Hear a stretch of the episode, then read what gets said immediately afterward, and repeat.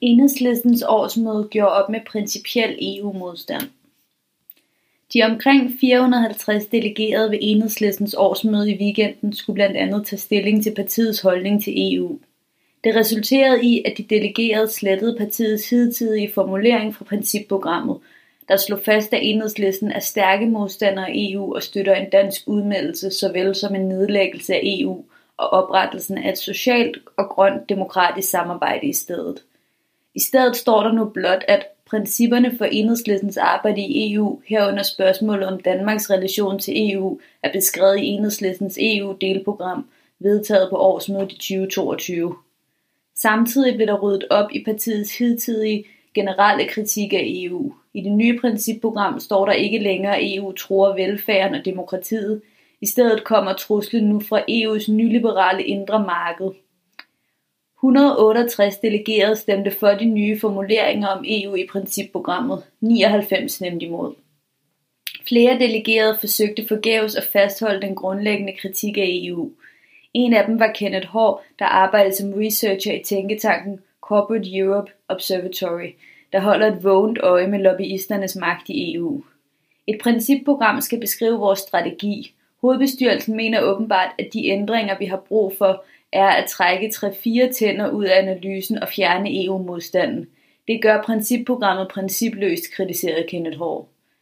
Men et flertal af de delegerede bakkede op om forandringerne til fordel for en mere EU-positiv tilgang, der ligger vægt på, at enhedslisten skal forsøge at påvirke retningen i EU, i stedet for at arbejde for dansk udmeldelse og en opløsning af unionen. EU-parlamentet er en vigtig politisk spillebane for enhedslisten, for det er på trods af det nyliberale traktatgrundlag muligt at vinde sejre for klima, natur og almindelige mennesker, lød det fra Sara Appelskov fra Enhedslisten i Valby. Arbejderen tog en snak med Kenneth Hård oven på årsmødet for at høre hans vurdering af kursskiftet i spørgsmålet om EU. Principprogrammet er blevet principløst på EU-spørgsmålet, fordi der alene står en relativ kras beskrivelse af EU-projektet, men ikke noget om, hvad enhedslisten så drager af konklusioner på det. Al politik og strategi på EU-området er trukket ud, forklarer Kenneth Hård. Hvad tænker du om, at man erstatter den generelle kritik af EU med formuleringer om, at problemerne skyldes EU's nyliberale marked og EU's centralisering og markedsfundamentalisme? Jeg frygter, at de indgår i et forsøg på at svække vores kritik af EU-projektet, at vi eksempelvis skal til at se EU's centralisering og markedsfundamentalisme som et uheldigt biprodukt af et i grunden positivt og folkeligt fællesskab, og ikke som et centralt kendetegn ved EU. For mig er vi kommet ud af årsmødet med større plads til spøjse fortolkninger af vores EU-politik. Det er noget møg. På trods af de nye EU-toner i principprogrammet besluttede enhedslistens årsmøde at trodse hovedbestyrelsen og bevare den økonomiske støtte på 490.000 kroner årligt til folkebevægelsen mod EU. Støtten er en del af den beslutning, som partiet traf, da man, to, da man i 2016 besluttede at stille selvstændigt op til EU-parlamentsvalget.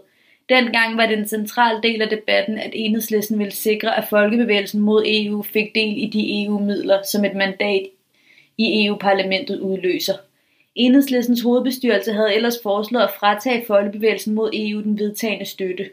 Et andet forslag om, at enhedslisten skulle melde sig ud af folkebevægelsen mod EU som kollektivt medlem, blev også afvist af årsmødet. Du har lyttet til en artikel fra Arbejderen. Abonner på vores podcast på iTunes, eller hvor du ellers hører din podcast. Du kan også klikke ind på arbejderen.dk for meget mere journalistisk indhold.